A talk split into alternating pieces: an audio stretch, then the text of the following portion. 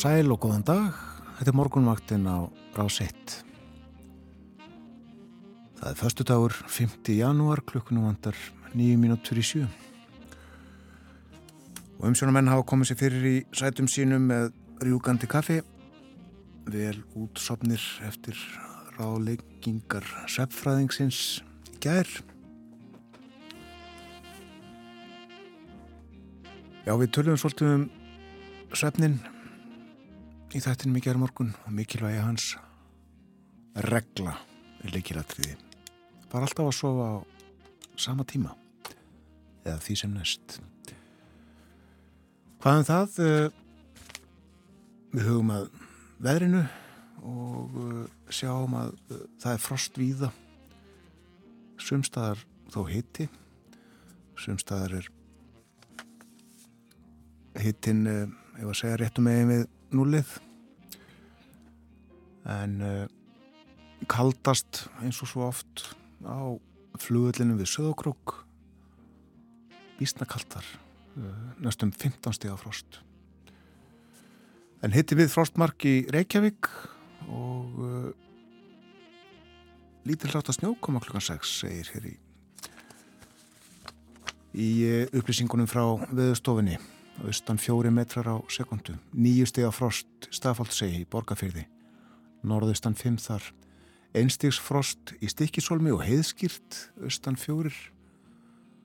Og tvekja steg af frost bæði á Patrísfyrði og í Bólungavík hægur vindur, andar af austan á Patrísfyrði en að vestan í Bólungavík, tvekja steg af frost líka á Holmavík, nýju steg af frost á Blönduósi, hitti við frostmark við Söðunarsvita fjúrasti á frost á Akureyri. Norðanátt þar uh, sunnanátt afsakið sunnanátt þrýr metrar. Logn á Húsavík og einstigs frost. Tveggjastega híti á Rauvarhöfn sjö metrar þar. Einstigs híti á skjaltingstöðum í Votnafyrði híti við frostmark á Eilstöðum tveggjastega híti á höfni Hortnafyrði og þrjár gráður á Kvískerjum.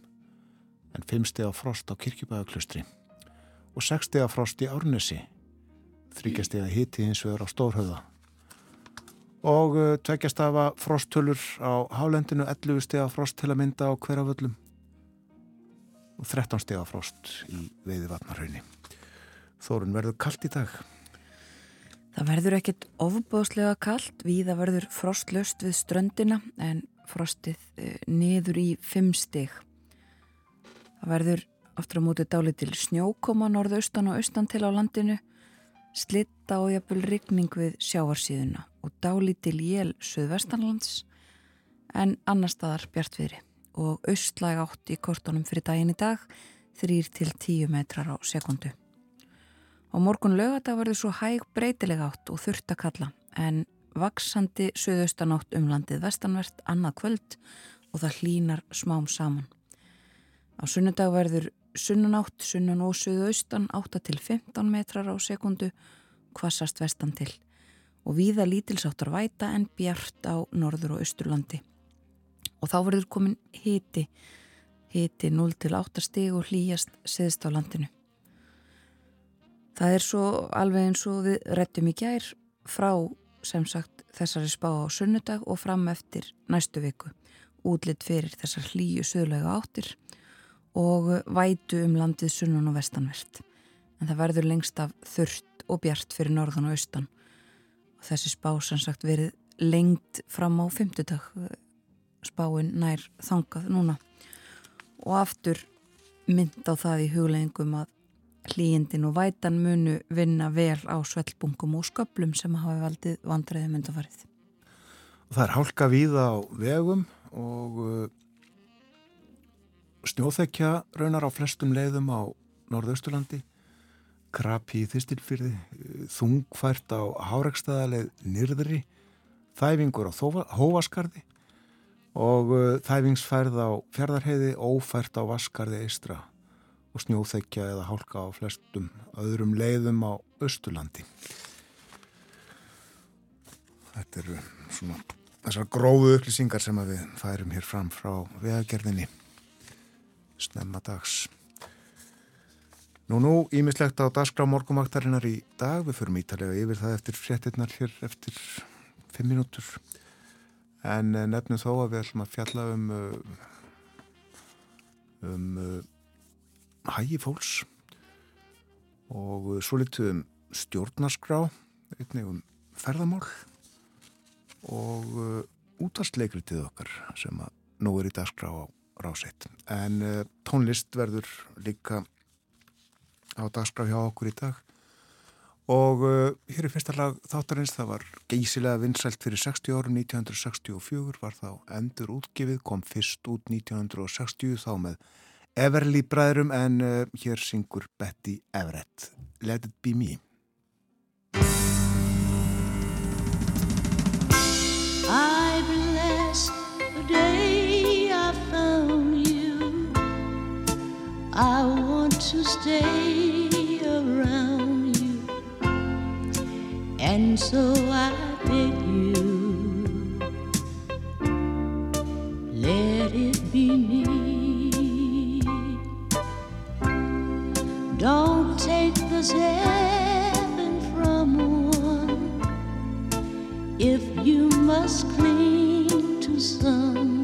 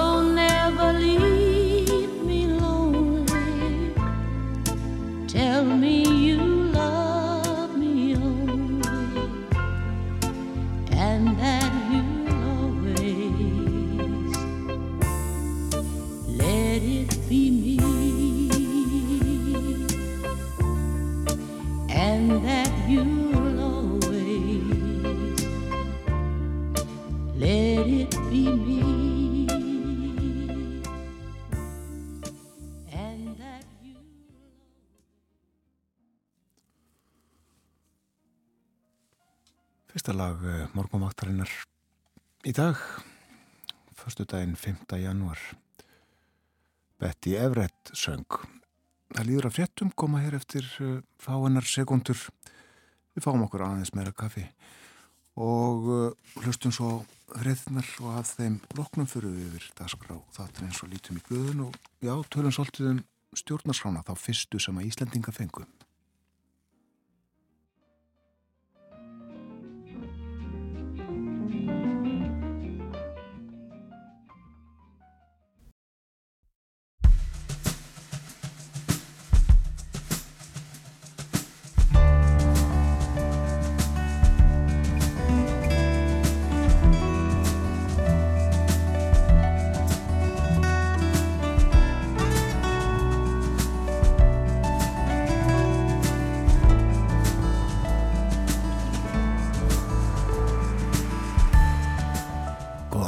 Morgunvaktan helsar, fastu daginn 5. janúar, Björn Þó Sigbjörnsson og Þórun Elisabeth Bóadóttir hafa umsjón með þættinum.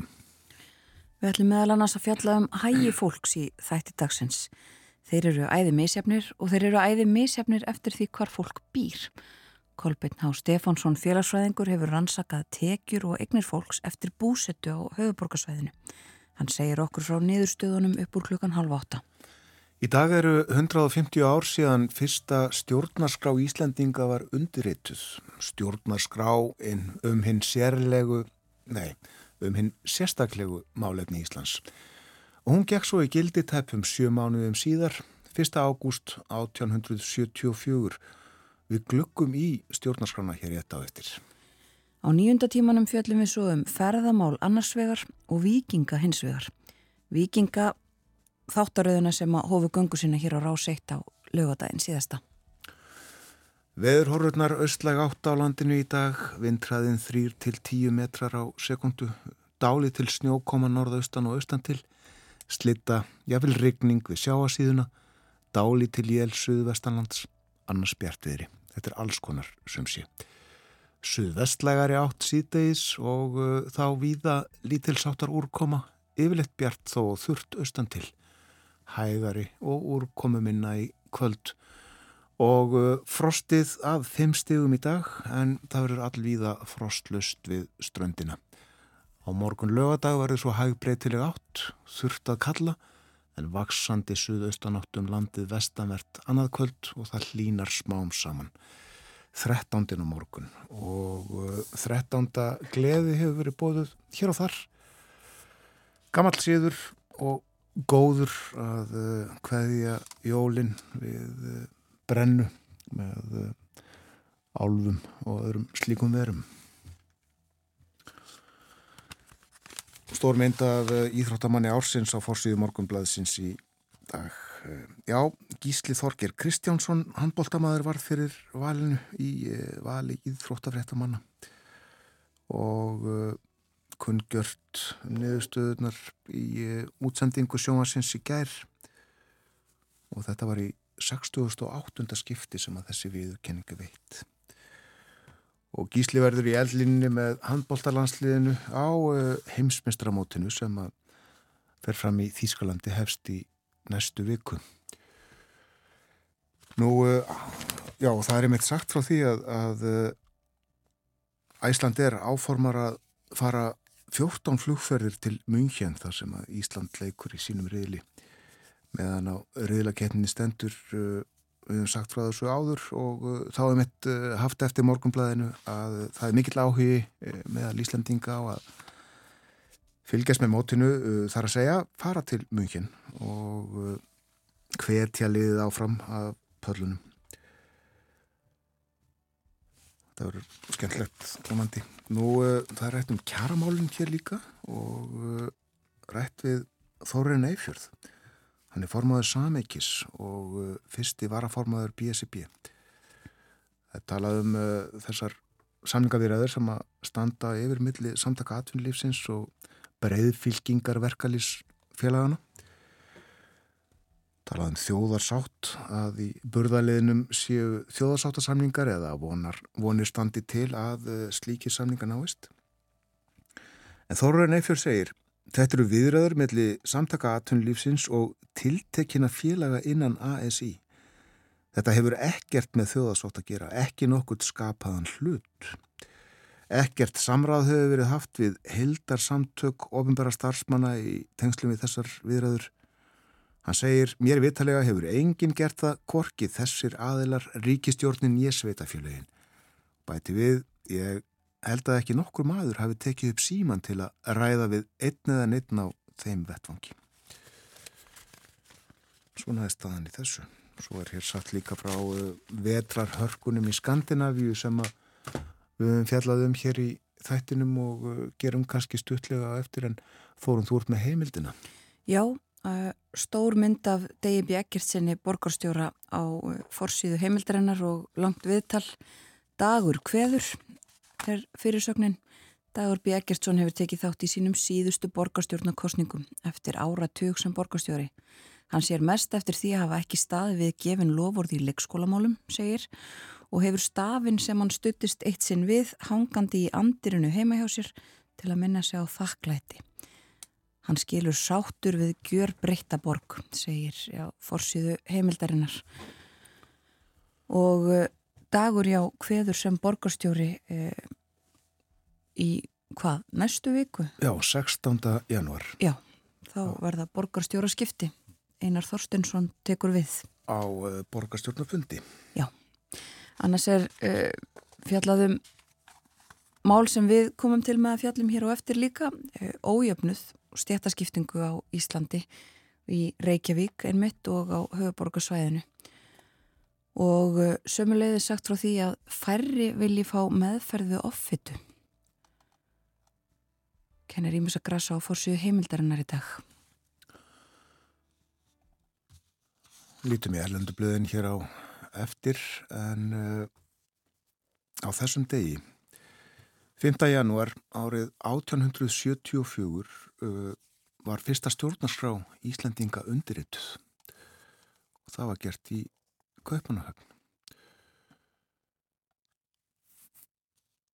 Setna þetta ár þá kom svo Kristján nýjundi konungur til landsins, uh, afhendi stjórnarskrána, minnisvarðið um það við stjórnarráðshúsið í Lækjagutu og það réttir konungur stjórnarskrána fram upprúlaða Það var mikil hátíð á Þingvöllum í byrjun ágúst 1874, 1100 ára Íslands. Byggð var minnst og fagnað og stjórnarskráin öðlaðist mitt gildi 1. ágúst 1874. Aðdraðandi var nokkuð langur og það var alls ekki eining um þessa stjórnarskrá meðal Íslandinga. En uh, þetta er formlegt stjórnarskrá um hinn sérstaklega málefni Íslands heitir hún Er Kristján hinn nýjundi af Guðsnáð, Danmerkur konungur, Vinda og Gauta, Hertogi í Slesvík, Holtsettalandi, Stórmæri, Þjettmerski, Láinborg og Aldinborg, Gjörum kunnugt. Hefst á þessum orðum. Og uh, svo er hér stutt greinagerð um uh, tilurð stjórnarskrárinar en uh, hún uh, var í sjököflum sá fyrsti fjallar um stjórnskipunina í landinu, uh, annar kapli um uh, skipula alþingis og kostningar, þriði kaplin um störf alþingis og sá kapli er nokkuð ítalegur. Fjóruði kaplin er um domstóla, fymti um þjóðkirkjuna, sjötti um ímis réttindi og skildur borgarana og sá sjöndi um breytingar á stjórnarskráni og gildistökum og uh, þessari fyrstu stjórnarskrá var svo breytt tvísar eða þrísvar ný stjórnarskrá öðlaðist gildi 1920 stjórnarskrá konungsríkisins Íslands. Og 1944 þá fengum við stjórnarskrá líðveldisins Íslands. Og henni hefur áttasinnum verið breytt. En þrátt fyrir nýjar stjórnarskrár og breytingar á þeim fjölmarkarunar þá er nú margt kunnulegt enn núgildandi stjórnarskrá úr þeirri fyrstu og uh, sumt bara alveg eins eða, eða næstum því. En uh, við ætlum að glukka eins í hana. Uh, hér er uh, einn grein. Uh, konungur stefni saman reglulegu alþingi annarkvort ár. Já, uh, þingi kom bara saman annarkvort ár þarna fyrst og starfaði fáinar vikur. Konungur getur leist upp alþengi, konungur getur látið leggja fyrir alþengi uppástungur til laga og álíktana og uh, konungur getur gefið út bráðabyrðalög, þetta þekkju við. Konungur náðar menn og veitir almenna uppgjöf á sökum. Og svo er það um skipulaþingsins á alþengi á þessum tíma áttu sæti 30 þjóðkjörnir alþengismenn og sex alþingismenn sem að konungur hvað til þingsetu. Og uh, um kostningaréttin saði, ja, hann hafa allir bændur sem hafa grasnitt og gjalda nokkuð til allra stjætta. Þó skulu þeir sem með sérstaklegri ákvörðun kynnið að vera undanskildir einhverju þekkskildu gjaldi ekki fyrir það missa kostningarétt sinn og uh, kostningarétt höfðu líka kaupstæðarborgarar ef þeir gjalda til sveitar að minnst að kosti 8 krónur á ári. Líka þurrabúðamenn ef þeir gjalda til sveitar að minnst að kosti 12 krónur á ári. Embættismenn hvort heldur þeir hafa konunglegt veitingarbref eða þeir eru skipaðir af því yfirvaldi sem konungur hefur veitt heimil til og uh, líka þeir sem hafa lærdómsprófið háskólan eða embættisprófið prestaskólinni Reykjavík eða eitthvert annað þess háttar ofinbært próf sem nú er eða kann að verða sett þó ekki séu þeir í embættum ef þeir eru ekki öðrum háðir. Nú uh, áfram, uh, það var sagt um alþengismenn, uh, þeir eru engöngu bundnir við samfæringu sína og eigi við neinar reglur frá kjósendum sínum, þetta þekkju við. Meðan alþengistendur yfir má ekki taka neitt alþengismann fastan fyrir skuldir án samþykis þeirra deildar er hann situr í. Ég heldur setja hann í varðhald eða höfðamála á móti honum nema hans í staðina glæp. Og uh, í kaplanum um Ímis uh, réttindi og skildur þeim sjötta segir Sér hver sá sem tekinnir fastur skal leittur fyrir dómara svo fljótt sem auðir. Megið þá eigi jafnskjótt láta hann lausan aftur, ber dómaranum svo fljótt sem verður og í seinasta lagi áður en þrýr dagar síðu liðnir frá því að sá sem tekinnir fastur var leittur fyrir dómara að leggja á úrskurð er byggður sí á tilgreindum ástæðum um hvort hann skuli settur í varðhald og megi láta hann lausan móti veði. Þá skal ákveðið í úrskurðinum hvert eða hversu mikið það skuli vera. Úrskurði þeim sem dómari kveður upp má sá sem í hlut á þegar skjóta sér í lagi til aðra domstóls, doms. Og engan mann má setja í gesluvarðhald fyrir yfirsjón er aðeins varðar fésækt eða einföldu fangilsi. Heimilið er friðheilagt, ekki má gjöra húsleit, ég kyrsetja brefið önnu skjöl og rannsakaðu nema eftir dóms úrskurði ef lögin ekki gjöra sérlega undantekningu. Eignarétturinn er friðhelgur. Sá sem ekki getur séð fyrir sér og sínum og séðan ekki skildu ómægi annars manns skal eiga rétt á að fá styrkur almennum sjóði, en þá skal hann háður vera skildum þeim er lögin áskilja. Hafi foreldrar eigi efni á að fræða sjálf börn sín, eður síu börnin munaðalös og öregar, er það skilda hins ofinbera að sjá þeim fyrir uppfræðingu og framfæri. Hver maður á rétt á að láta í ljósi hugsanir sínar á brendi, þó verður hann að ábyrgjast þær fyrir dómi. Ritskoðun og aðrar tálmanir fyrir prentfrelsið má aldrei innleiða. Réttega menn á að sapnast saman vopplausir. Láreglustjórnin er heimilt að vera við almennar samkomur. Banna má mannfundi undir berum himni þegar uggvænt þykir að af þeim leiði óspektir. Svo er hér 57. greinin. Sér hver vopp fær maður er skildur að taka sjálfur þátt í vörð landsins eftir því sem nákvæmar kann að verða fyrir mælt þarum með lagabúði. Og endingu öll sérstakleg réttindi er lögin hafa bundið við aðal, nabbætur og tign skulu vera af tekin. Já, nokkrar greinar úr uh, fyrstu stjórnarskrá Íslandinga, þeirri sem að uh, öðlaðist gildi 1. ágúst 1874 fyrir 150 árum í dag akkurat 150 ár síðan hún var uh, undirrituð það var gert í Köpmanahöfn og uh, það gerði Kristján Hinnijundi af Guðsnáð Danmerkur konungur Vinda og Gauta Hertogi í Slésvík, Holtsetalandi Stórmæri, Þjettmerski Láinborg og Aldenborg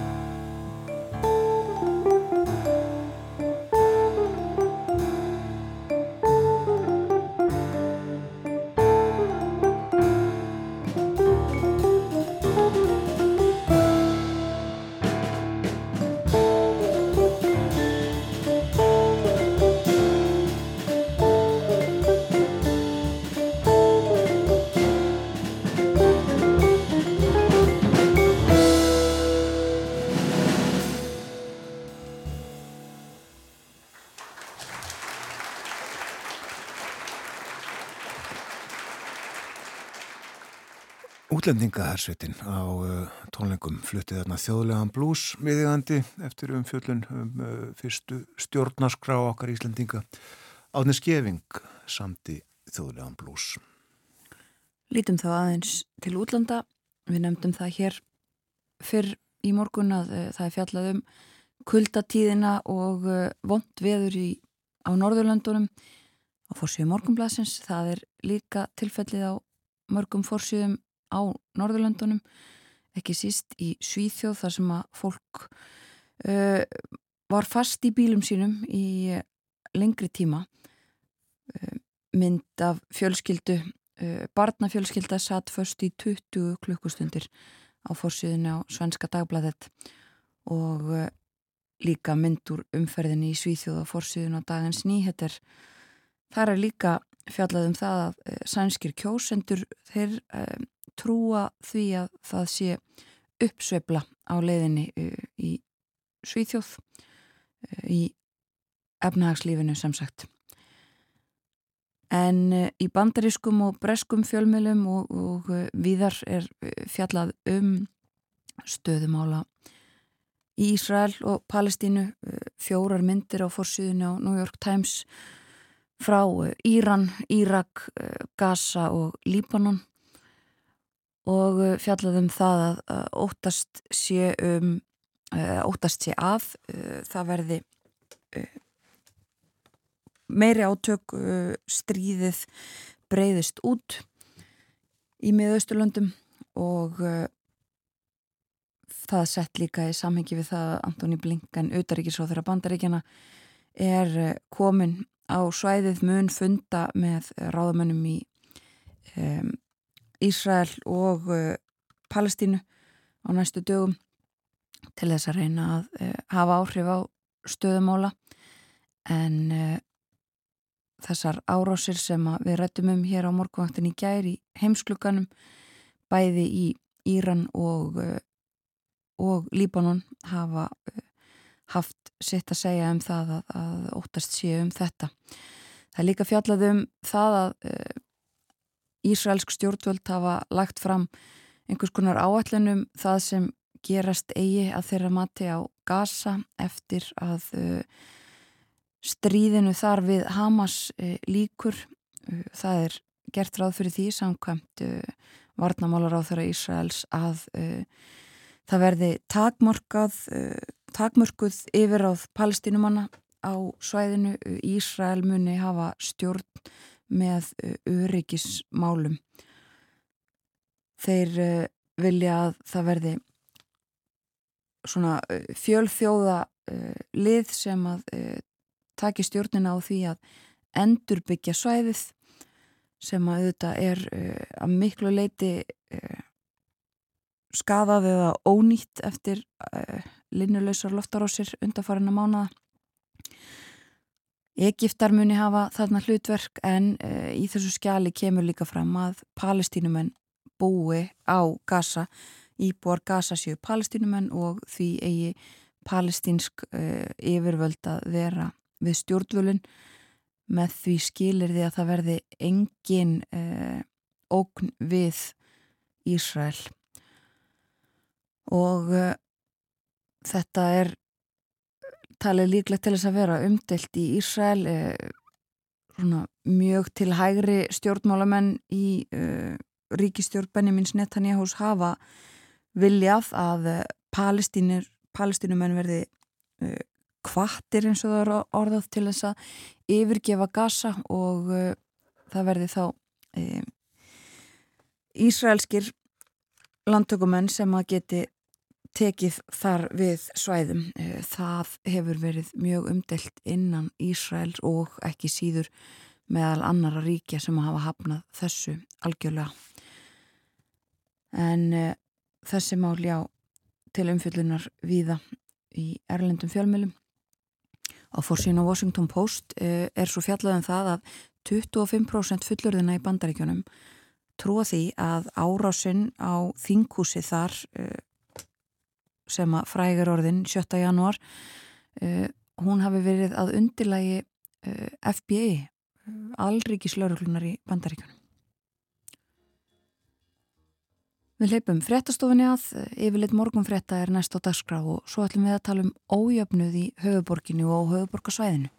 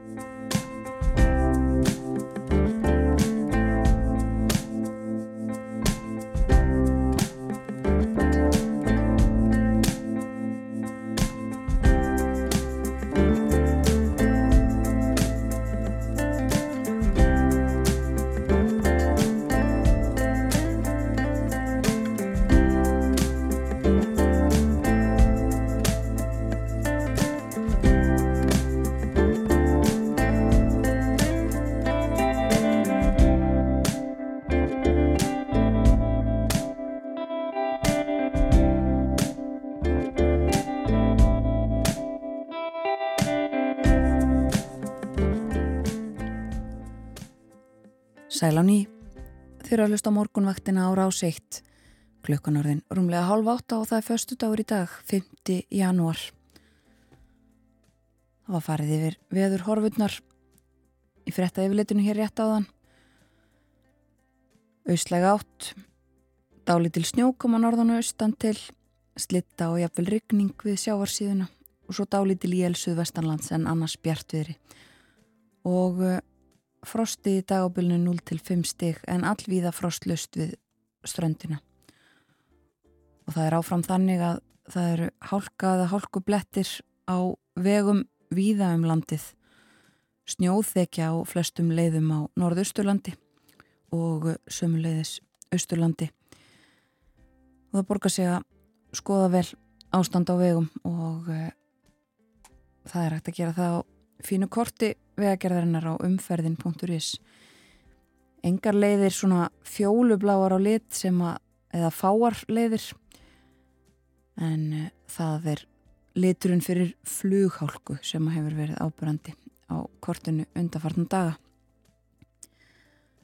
Við minnum á það að hér á eftir þá ræðum við ferðamál við Kristján Sigur Jónsson rittstjóra FF7 sem áður hétt túristi ætlum að fara aðeins yfir árið í ferðarþjónustu. Það er að segja árið sem var að líða og líka líta til þess sem er framundan á þessu ári. Og í síðasta hluta þáttarins þá ætlum að ræða um vikinga. Ekki e, knaspunnilið sem var valið lið ársins á Íþróttamanni ársins í gær. Heldur um þáttaröðina vikinga sem að hófst hér á rási 1 í síðustu viku. Þetta er útvarpsleikus e, gríðar mikil framleiðsla. Er komu til okkar ræða þessi mál Tinnar Rapsdóttir leikstjóri og Salka Guðmundsdóttir þýðandi. En nú næstu mínuturnar ætlum við að ræða annað. Reykjavík er stærsta sveitafélaglandsins og þegar að höfuborgarsvæðið allt er tekið saman en stærra á þessu svæði býr töluverður hluti allra Íslandinga, alls fólks sem hér býr. Og við ætlum að tala næstu mínutunar um félagslegt landslag í Reykjavík. Til okkar er komin Kolbjörn Há Stefánsson, hann er dósend við félagsráðgjöfadild Háskóla Íslands og hefur verið að skoða þessi mál undanfarið. Velkomin á morgunvaktinu Kolbjörn. Takk fyrir. Þú varst að klára þessa e, skýslu, þessa rannsókn, félagslegt landslag í Reykjavík, dreifing, tekna, egna og aðskilin búsetta. Mm -hmm. Förum fyrst bara aðeins svona e, vitt yfir sviðið, sko, kannski fyrir það fyrsta um, þú gerir þetta í samstarfi við Reykjavíkuborgar, það ekki? Það er óskað eftir því að... Jú, Reykjavík hefur nú frumkvæði að þessar rannsókn. Já, og þetta hefur aldrei verið skoða með þessum hætti fyrr? Ekki sérstaklega nei. Uh, á undanförnum árum eða jáfnveil áratug þá hefur árið til tölver þekking á, á svona landsbyggðunum eins og, eins og professor Þorður Bjarnason kallar það uh, og hérna og alveg fyrir hans mikla grettistaki í þeim efnum að ebla rannsónar landsbyrjunum en höfuborgarsæði sem slíkt hefur ekkert voða mikið verið skoðað svona sem sérstök eining. Nei og það eru þetta eins og ég nefndi það búa mjög margir á þessu svæði þannig að það kannski segir sér sjálft að, að það er ekki einsleitur hópur frekar en annar staðar sem þarna býr.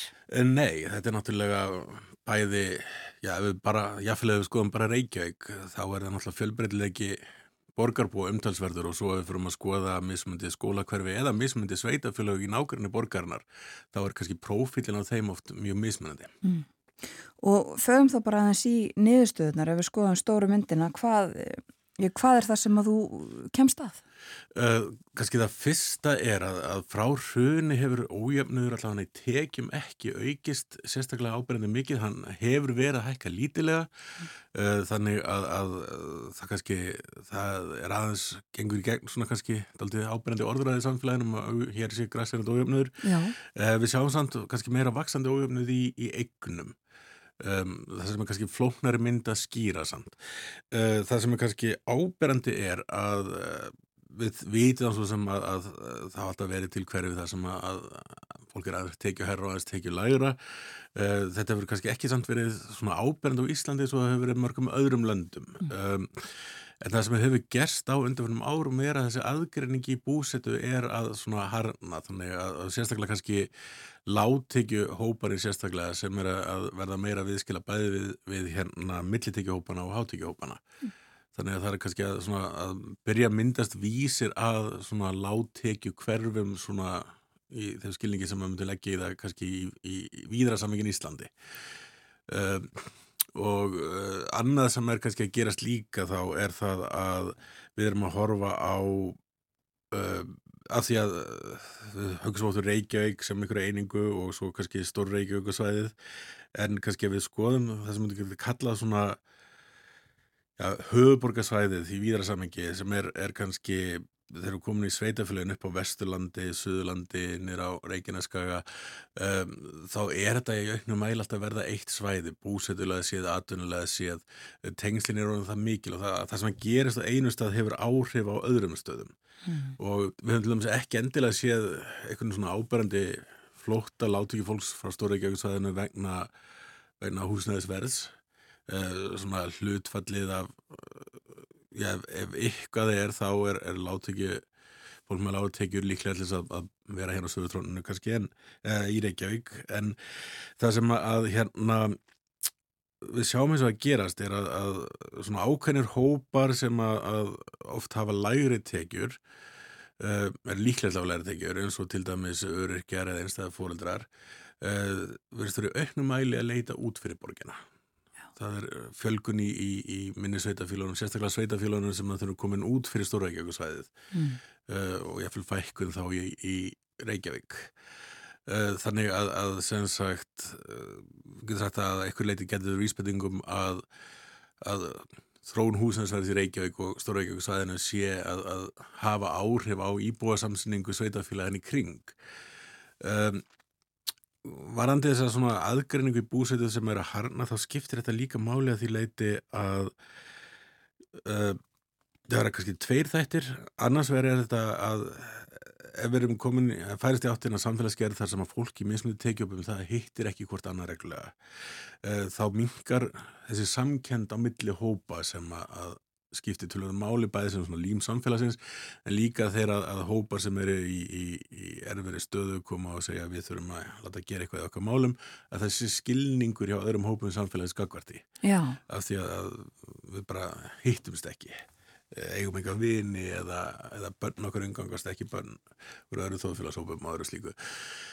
Uh, Hinliðin á því líka er, og við þekkjum þetta úr bandarskunarsonum, eru það sem er hægt að kalla hverfis áhrif. Það er sem sagt þannig að við vitum það auðvitað að tekjur fjölskyldun okkar hafa áhrif á, á alls konar þætti, hilsu okkar, um, möguleika barn okkar í lífinu og fleira slíkt.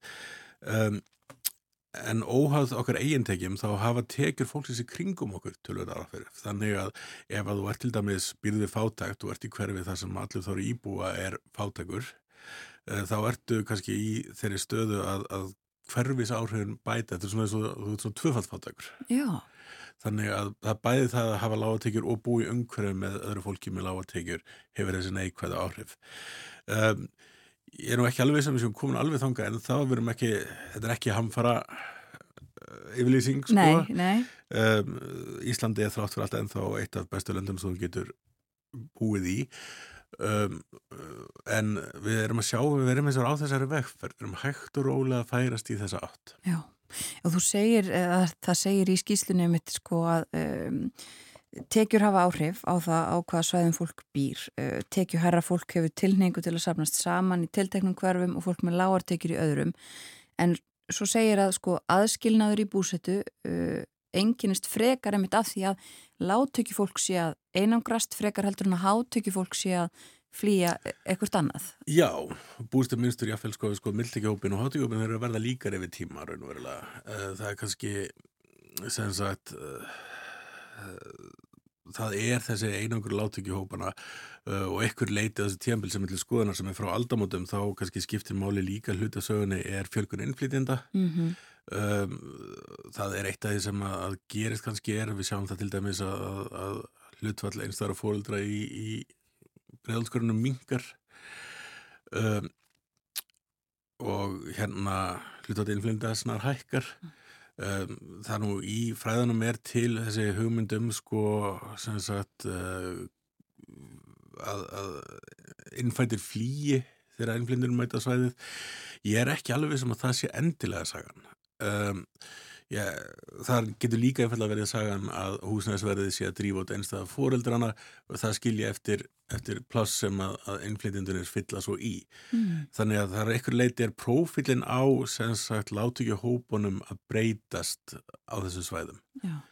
Þannig að um, Sko þú, eh, einmitt, við, þú er búin að fara yfir fjölmart að þessu um, þessi aðskilnaður í búsutumunstrum heldum aðeins áfram með búsutunum, þú skoðar þetta ekki bara, við höfum kannski búin að tala um Reykjavík, stóri Reykjavíkusvæði en þú skoðar þetta líka niður á og skiptur þessu í skólakverfi Já. og það eru uh, ákveðin hverfi sem að skera sér úr. Já. höfum kannski fara aðeins yfir það hva, hvernig svo myndir Já, það er kannski, það er þessu, það er uh, annars vegar skólakverfi Östubæður og Vestubæðarskóla sem að, að sem sagt eh, er með lágartekjur og, og hérna og svo er það kannski helst fellakverfið í bregðaldi hverjum kringaðins líka en, en hérna ef við hugsaum um þetta þannig þá er samt fellakverfið eitt aldrei annars eðlis en, en Östubæður og Vesturbæðarskóla hverfið og uh, ég var svo sem byrti grein upp úr sömu gögnum í tímaritin Íslenska þjóðfélagið rétt fyrir áramót. Uh, og þar kemur ljósa að, að kannski munurinn á þessum tveimur svæðum annars vegar þannig að vestur hlutaborgarinnar og svo fellakörnu og bregaldinu er það að Östurbæðaskóla og Vesturbæðaskóla hverjum eru algengt fyrsta stopp hjá innflytjandum. Já. Eh, það getur við leið í þáttum því að það sé mikið frambóð af uh, litlum íbúðum, alls konar svona köllurum og háaláttum sem er búið að breyta í, í leiðu íbúðir. Uh, Man nú bara hérna rétt fyrir hann aldamótin þegar hérna þetta var svona íbúður voru nú mestmennis teknar af, af námsumörum sem ég var á þeim tíma. Um, sem sagt, svo verðist að gerast uh, þegar það kannski líður á þegar fólk hefur ákveðið sýta stað. Það má ekki glemja því að umtalsögur hluti innflyttu hópsins uh, stoppar tiltúlast upp við, en það er alltaf ykkur hluti sem ákveður að setja stað uh, og þá verðist vera tilflytningur hóknum frá þessu svæði og upp í breyðult um, og þá erum við með þessa tvo hópa sem að, að og þeir eru til dæla aðskildir frá frá innfættum eða borgarbúin sem fættist á Íslandi. En sem sagt um, þeir eru líka með aðskildi frá hverjaðurum mm. og við veitum ekki alveg hvað er að gerast á þessum tíamundi þetta getur verið að þetta sé bara einfallega millilegur ef þú ætlar að reyna að komast inn á húsnæðismarkaðin í Reykjavík þá er þetta svæði sem er auðveldast að kaupa á til dæmis. Þannig að það getur gerst á næstu árum að þessi hópur dreifis um borgina þegar að húsnæðis, þrón húsnæðisverðis hefur búið til ykkur eignamyndun mm. þannig að, að sem sagt um, þessi hverfið þó að þau komið sérst, með séum til dæra hál átöklutu lágar meðaltekjur og annað slíkt þá er þið samt mjög, mjög ólík að þessu leiti Já. Og sko er það húsnæðisverðið sem hefur uh, mest um, um þetta að segja eða hvað kemur fleira til? Um, við svo sem vitum ekki nákvæmlega þessum tíamónti hvað það er sem drýfur þetta. Húsnæðisverðið er náttúrulega kannski svona augljósast í sökudólkur, við myndum mm -hmm. alltaf að byrja þar. Eh, þróun alltaf hefur verið þannig á undanfjörum árum að, að húsnæðisverð hefur hækkað rætt og, og mikið og, og raunum verið alveg frá, frá sagt, svona, já, eftir árun hundsins, það kom þannig að smá læð í kjálfur hundsins en síðan hefur þetta bara rókið upp.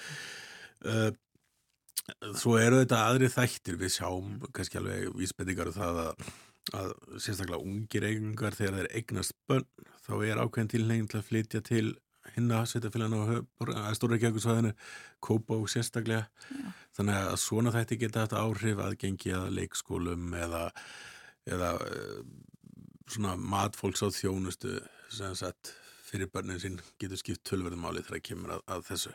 Já, og þú skoðar sko, þú nefndir það aðeins áðan eh, þetta er þetta annars vegar í rauninni tekju ójöfnöður og svo egnu ójöfnöður en svo konstin að það er svona meira, eða kannski hans flóknar að mála að meta hann.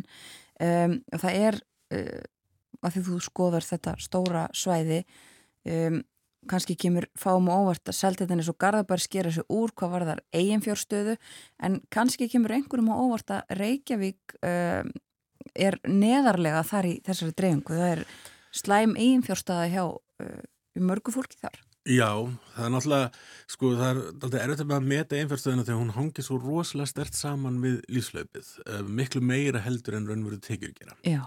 Um, en við erum náttúrulega, Reykjavík hefur það að, að hún er langsamlega stærri og þannig að býr miklu kannski fjölbreyttur hópur. Það sem ferður oft með sveitafélög sem eru í svona jæðri borga er það verður kannski svona að val inn í, hérna sveitafélögin.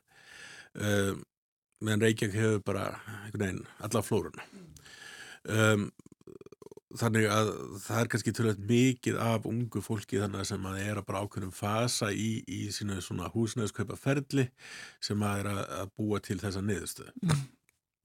Það er ekki endilega marg sem að staða borgarbói sé endilega sérstaklega slæm. Maður er alltaf að taka þessum með tölvörðum fyrirvara. Um, Já Já, þetta er flókin mynd. Þetta er flókin mynd. Já. En þú skoðar, sem sagt, kannski það fínt að það komi fram, þetta er ekki, ja, þetta eru gögn yfir alla. Já.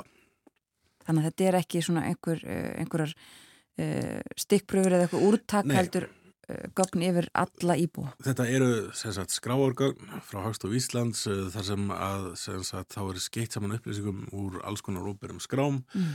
Uh, og verið með alla einstaklinga sem eru búsettir við lok árs, hversa árs frá 2000 til 2020 á sagt, þessu höfuborgarsvæði sem eru víkt skilgarind. Já, og þú segir þetta Kolbein, eh, sko aðskilnaður í búsettuminstrum, mismunandi tekihópa, um, hann hefur aukist uh, það sem afverð þessari öll, þar sem að þú hefur þessari ansókn árið 2000 og uh, það eru eins og þú aðeins konstin á þann ímsar afleggingar sem geta verið af því um, er þá tilöfni til þess að grípa til einhverja aðgerða uh, og, og hvað er þá hægt að gera?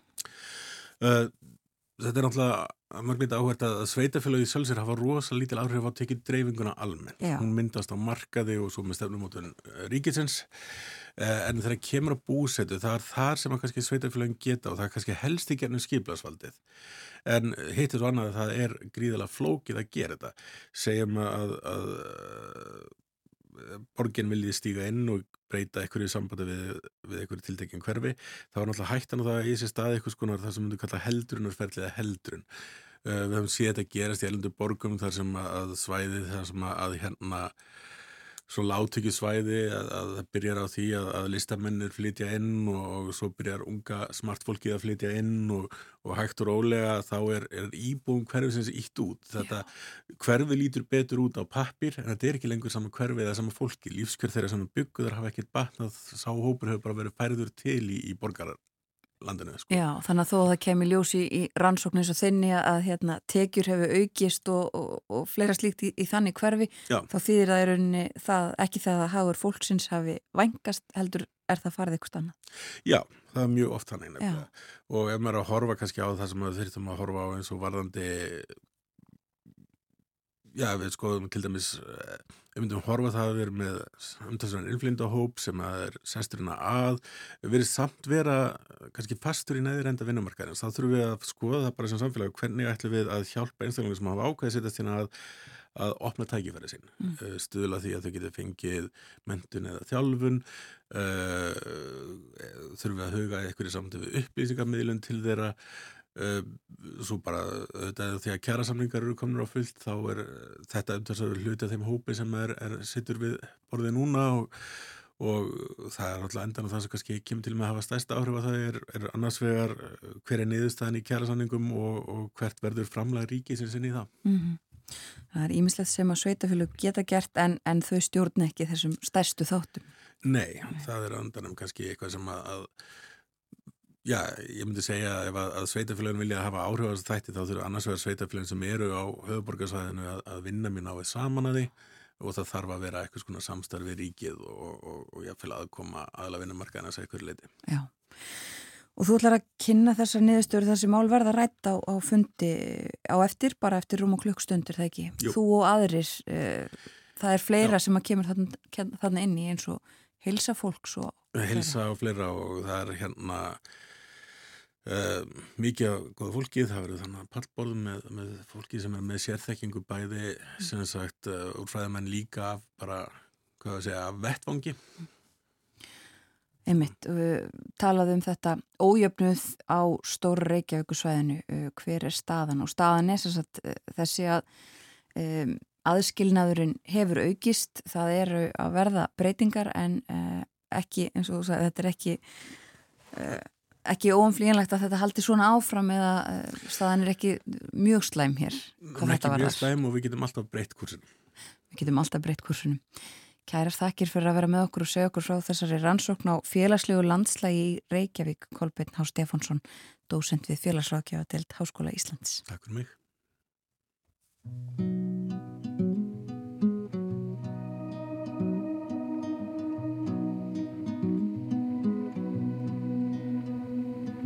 Waiting for a moment that never came to tell you the things I wanted to say. Oh, but words always come to me afterwards when nobody cares, but I still feel You said my eyes weren't beautiful. Oh, why would you say something just to be cruel? Stepped out of the car into the watery snow. Just wanted to go, so I slammed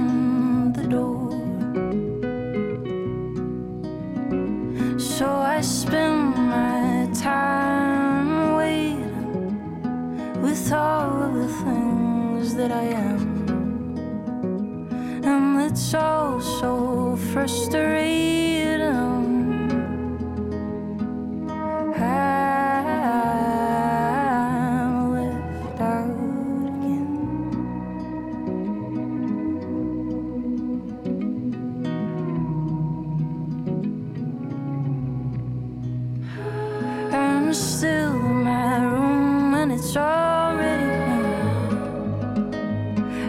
haven't done nothing, still waiting for you.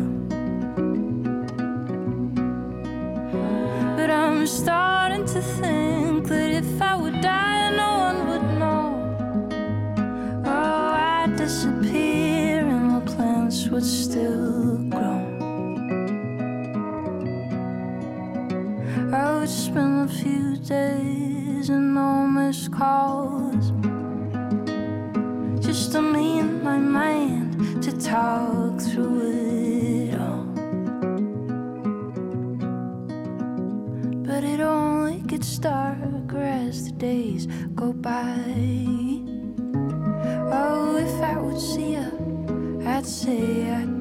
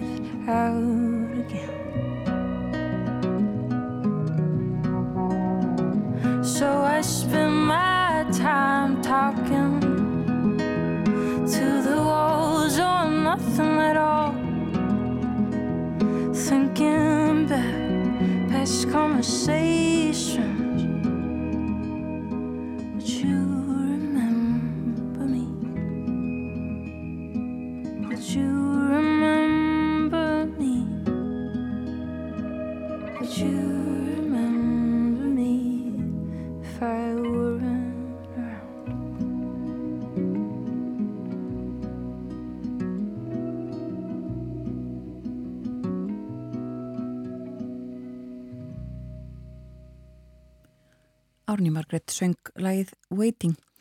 Við rættum við Kolben H. Stefánsson um félagslegt landslag í Reykjavík áður en við leikum þetta lag. Og stóramyndin er kannski svo að aðskilnaður í búsettuminstrum ólíkra tekihópa hefur aukist á undarfærandunum árum og það eru vísbendingar um að hópar í viðkvarmir stöðu leiti út fyrir Reykjavík.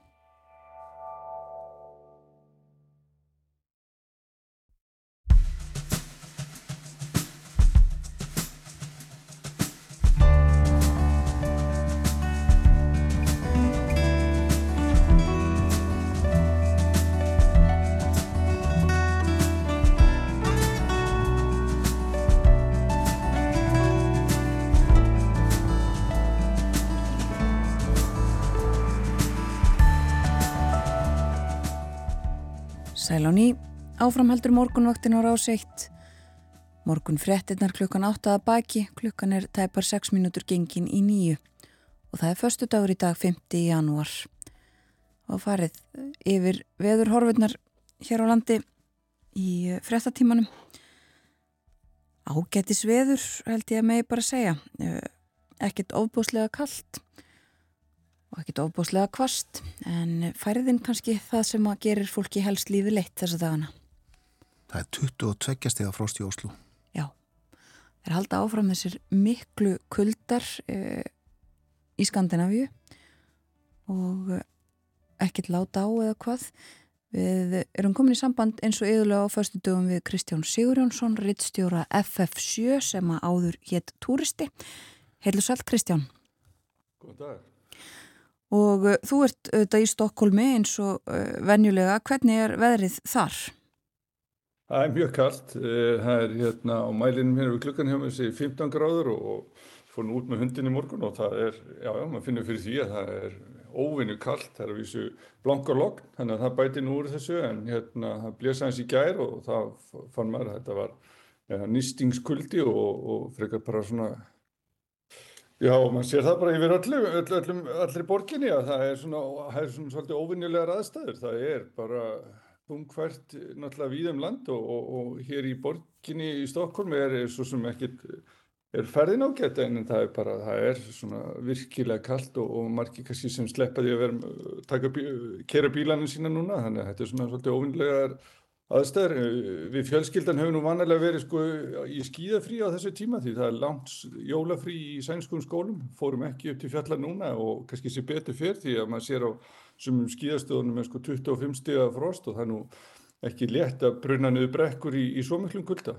Nei, einmitt. Og þú nefnir færðina og við nefndum það líka hér í morgun af fórsýðum sænsku bladana. Það er tölverð umfjöllun um, hana fólk sem að satt fast í bílum sínum heil lengi og við veitum að svoleiðis er staðan líka uh, víða annar staðar á, Norðurlandunum.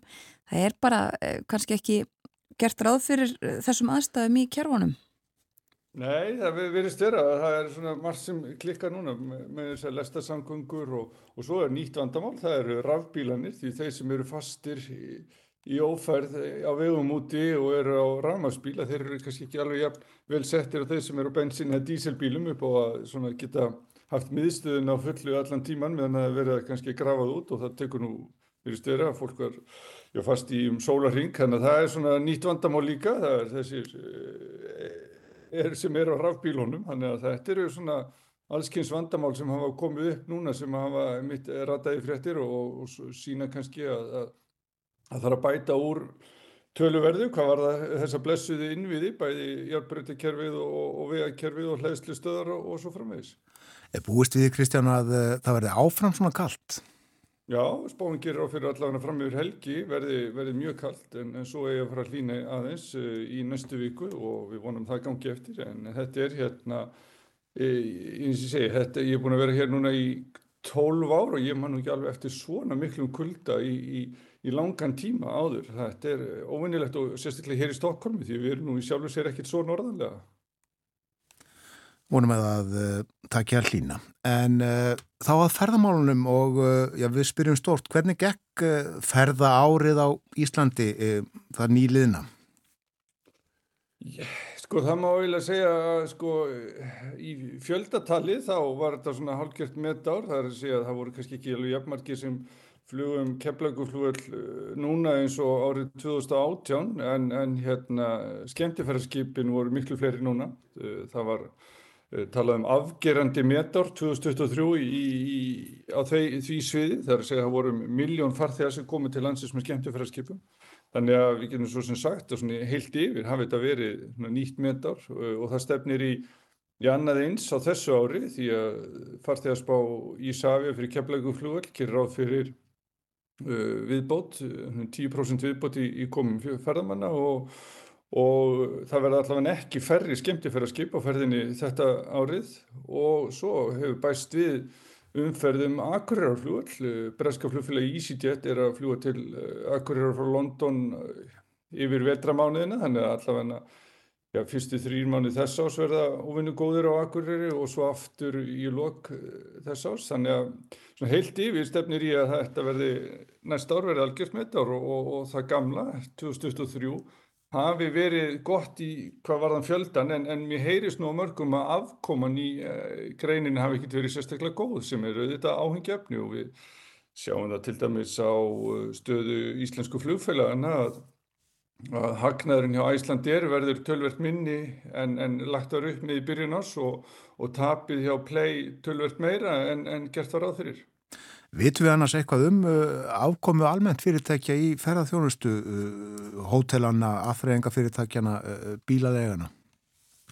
Nei, það verður ekkert verið gefið upp svo sem ennþá og, og maður veit bara þetta með flugfélagina því þau eru skarað á hlutabriðamarkað og þurfa að gefa svona upplýsingar mjög reglulega en, en svona á samtölum mínu við fólk þá svona drýðið álutin að árið hafi nú almennt verið sko gott, það er að segja langflestir náttúrulega með tekjur uh, en á móti kemur að kostnærin yfir hækka verulega víða, bæði vegna verbulgu og, og launahækkana, þannig að svona þegar allt árið verður gert upp þá er svo sem ekki með hagnaður í, í spílunum og við sáum að við séum smá vísbytting um þetta núna þegar að landsbankin auglisti hlut sinn í KEA-hótelunum sem er nú einn stærsta hótelkeða landsins að, þá var tekið fram í sölugögnum að tekjur hótelkeðinar eru mun herri en okkur sinni áður en, en hagnaðurinn sem hlutfall af, af tekjunum, hann var ekkit sérstaklega hár með það sem maður hefur séð í ásreikningum kea hótelana uh, árunum fyrir heimsvaraldur þannig að það er kannski vísbyttingum að eins og ég sagði á þann, tekjunar mjög háar en, en hagnaðurinn kannski ekkit í, í, í meðtæðum uh, á sama tíma. Nei, kostnaðurinn mikill. Já. Er uh, ferðarþjónustan hér á Íslandi svona í einhverjum takti við hinn Norðurlöndin? Uh, sko, maður getur sagt allavega að sko flugumferðin um keflaguflugvel, hún hefur tekið miklu hraðar við sér heldur en maður sér viðast hvar annar staðar í Evrópu. Það er að segja, það er fyrst núna árið sko 2024 sem að hérna Ég reikna með flugumferðin í Evrópu verði álíka og árið 2019 en uh, keflaugurflugur eru komið langt, langt fram yfir uh, farþegartölunar 2019 í sjálfu sér. Og við erum, ferðamenninu voru miklu fleiri núna heldur en þeir voru 2019 en, en 2019 var líka slæmt ári í íslenski ferðarþjónustu því að VAR fór á hausin í, í mastað ár þannig að en í samanbyrjuðu 2018 þá eins og ég sagði aðan sko þá erum við náttúrulega komin í sjálfu sér fram úr því ári Já, náðum, fórum eiginlega fram úr því í, í fyrra ef við tökum umferð skemmti fyrir að skipa með í reikningin því að það er eiginlega verða hálf úrreld að horfa bara alltaf til þessara talningar á keflaguflugvelli. Þetta er, umsögun er orðin miklu meiri eins og ég nefndi á Akureyra-flugvelli og svo náttúrulega skemmti fyrir að skipin. Ef það eru miljón farþega að koma með skemmti fyrir að skipa til landsins þá eiginlega þýðir ekkert að tala alltaf um að það séu 2,2 miljónu ferðamenn á landin og vísa þá bara í tölunar á keflaguflugvelli.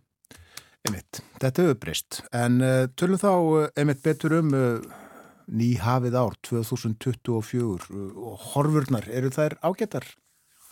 Já, ég held að svona til lengri tíma en, en eins og Arnar Már Ólafsson ferðamálastjóri fór yfir í viðtali við okkur á FF7 núna um áramótin að þá er náttúrulega ljóst að, lokun Bláa Lónsins hefur einhver áhrif og hérna hann vísar í það að sko Bláa Lóni er bara stór hluti af ímynd Íslands sem uh, ferðamannalandi og, og, og án Lónsins væri já, Ísland kannski bara svona breytur áfangastæður og tók svona til samanburða sko Egiptaland og Píramítanir ef þú fer til Egiptalands þá viltu mjög líklega að fá að sjá Píramítana en, en þetta er svona svipa með Bláalónið að, að það er ótrúlega hátt hlutar ferðamanna sem kemur til Íslands sem fer í Bláalónið.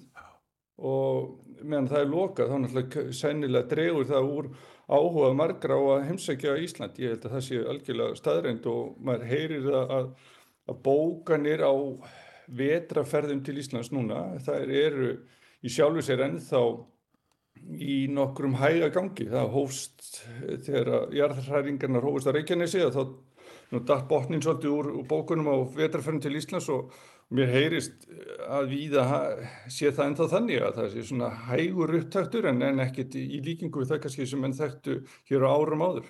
Þetta er alveg með ólíkindum. Aðsóknina hinum lónunum hefur ekkert að segja. Já, hún hefur eitthvað að segja og svo eru kannski einhverju sem getur kíkt í bókalskerfi sitt núna og, eða sölukerfi og að það er alltaf uppliðin en allavega þeim samtölum sem ég átti fólk sem er mitt í rekstur og stórum ferðarþjónustu fyrirtökjum og þá er það þannig að það er hægari taktur í, í bókunum og, og, það er eiginlega eina sem maður getur þá bent á er lókur bláalónsins því að sko frambóð á flýji til keflaguflugvallar núna er miklu meira en, en það var á sama tíma 2023 og ég vel meira en það var 2017-18 en það er bara ótrúlega viðbót sem að hérna, Play hefur komið inn á markaði núna fyrstu mánuðið ásins og Æsland er líka bæta við. Þannig að það er ekki skortur á, á, á ferðin til landsins, svo mikið vist Nei, en já, ferðarmálastjóri líkti lónu við píramítana í Egiptalandi. Svona hvað var það aðdráttarafl? Já, og við sjáum það líka bara á tölum að, að sem hafa verið gerðar á könnunum réttar að sagt og hérna við þurfum við ferðamanna til Íslands og, og hvað þeir eru að gera í Íslandsferðina þá eru baðlón langvinnsalast aðþrengin og, og, og þar hlýtur blálónið að vera mjög þúnt í þeim flokki og þetta er svo aðþreng sem já skorar langkast í öllum það er það sem fólk ætlar að upplifa á Íslandi og hérna og þetta hlýtur þá að hafa einhver áhrif. Og þá verður við að, og Jóhannes Þór Skúlason, frangöndastjóri samtöka ferðarþjónustunum, sagði Þetta líka í viðtal við okkur fyrir áramóta að, að lókum Bláa Lónsins væri líklega einn ástæð þess að hérna, það væri svona að bókanir væri ekki eins hraða núna eins og áður hefur verið. Nei. Er hér mikil uppbygging í gangi í ferðarþjónustu? Vitum jú að framkvæmdum á keflaðugurflugöldi en er verið að reysa hótel og annað?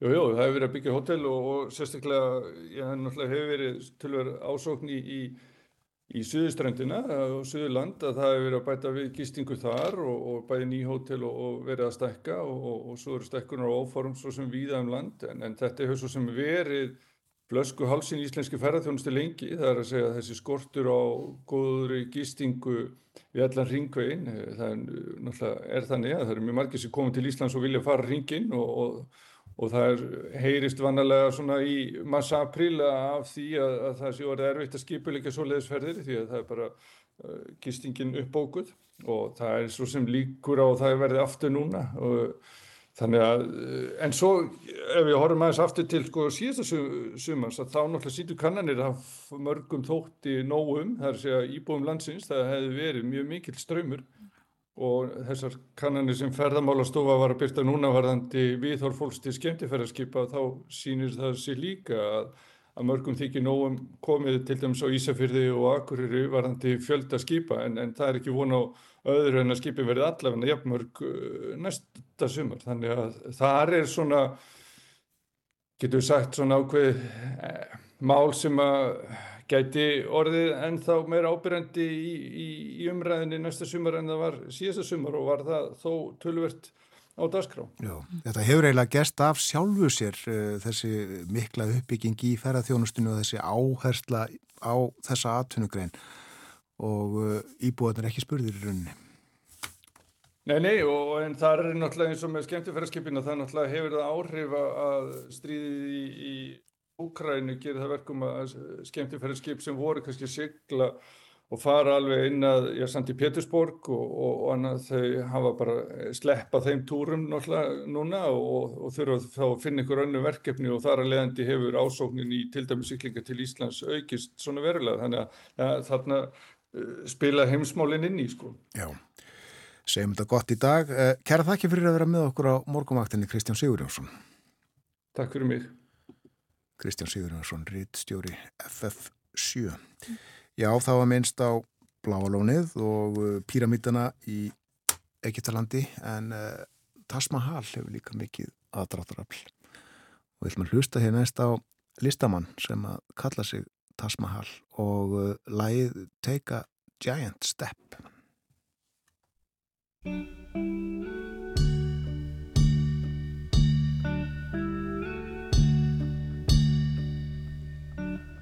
Though you've played at love and lost, and sorrows turn your heart to frost, I will melt your heart again. Remember the feeling as a child when you woke up and morning smile. It's time, it's time, it's time. You felt like that again. There is just no percentage in remembering the past. It's time you learn to live again and love and last. Come with me, yesterday, your yesterday behind and take a giant step outside your mind.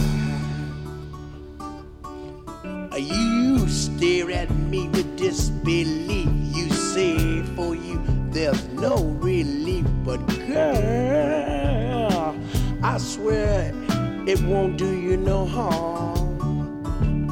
Don't sit there in your lonely room, just looking back inside that gloom. Mama, that's not where you belong. Come with me, I'll take you where the taste of a life is green. And every day, every day, all I wanna just got to be seen. Come with me, leave your yesterday, your yesterday behind. Take a giant step outside your mind. Though you've played with love and lost, and sorrows have turned your heart to frost, I will melt your heart again. Remember the feeling as a child when you woke up in morning smile. It's time, it's time, it's time. You felt like that again. There is just no percentage in remembering the past. It's time you learn to live again and love and laugh. Come with me, leave your yesterday, your yesterday behind. And take a giant step outside your mind.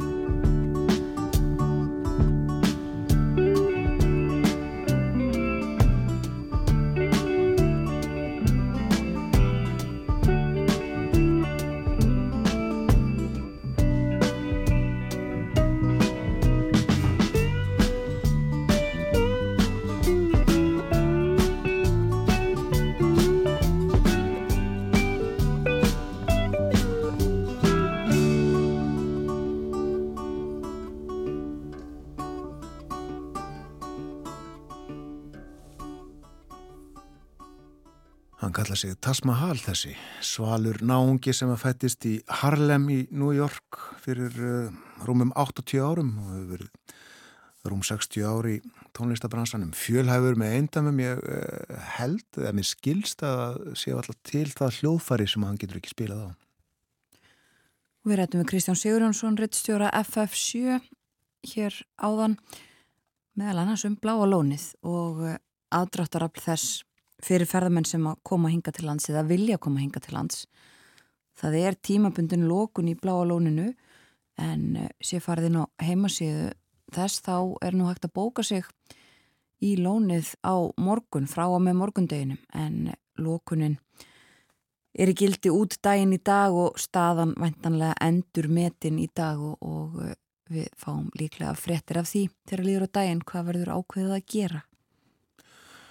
Og meira ár þessari átt það er uh, von á sínist með 58 flugulum til keflaðugur flugallari dag en uh, 74 brottfarir eru áformaðar. Já. Nú nú, það stýttist í fréttaefliti hjá okkur. Eftir það þá ætlum við að fjalla um vikinga. Útvarstáttarseríuna sem að hóst hjá okkur hér á ráseitt í síðustu viku á lögadaginn, þáttu nummið tvö á morgun áhugaverið þættir sem okkur þótti tilefni til að fjalla um og uh, vekja aðtikli á skilsta að sé svona einhver, ég ætla að vísir að hálgerðu vikingaæði á samfélagsmiðlum Já. til eru svona form filterar Einmitt. og uh, nú er það nýjasta að uh, sína hvernig þú ert sem vikingur ætlum ekki að ræða um það, en uh, önnumál hins vegar tengt vikingum.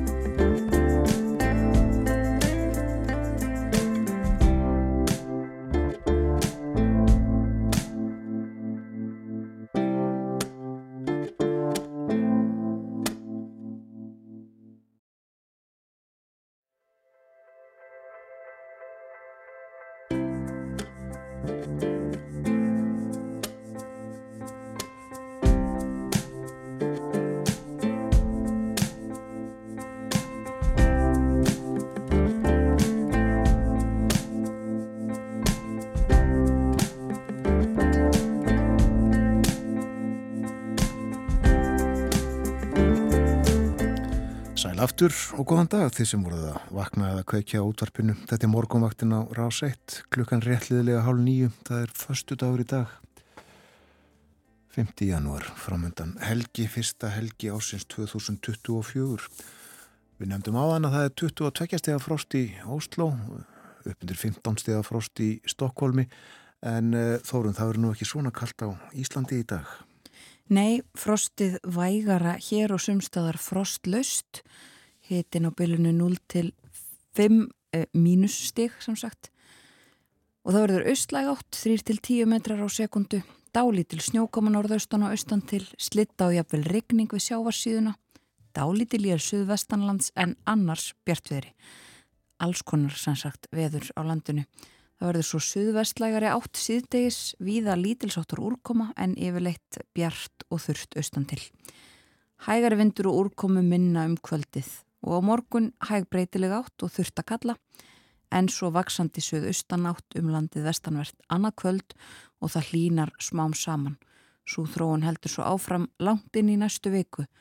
Þá verður hiti um landið allt e, og töluverð úrkoma ákveðnar sunnan og suðaustanáttir líka í kortunum. Og það er vetrafærð með hálku eða hálku blettum um allt land og snjóþekja á nokkrum leiðum aðalega norðan og austan til. Og nú ætlum við að fjalla um vikinga, þáttaröðina sem að hóst hjá okkur hér á Rás 1 í síðustu viku. Þættirnir eru nýju og þeir eru fluttir á lögatum klukkan 5 og við ætlum að hlusta núna á upphaf fyrsta þáttar.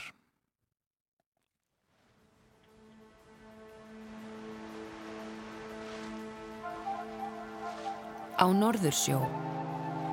Í næturmyrkrinu ber flutningaskip við heiminn, svartan stálmassa sem skrúfurnar knýja áfram gegnum öldurnar.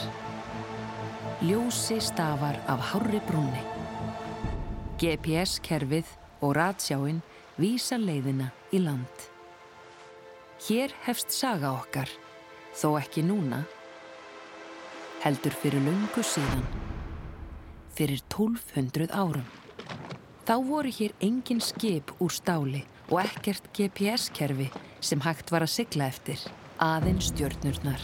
En sami vindurinn, sami sjóndeldarringurinn og 50 tréskip.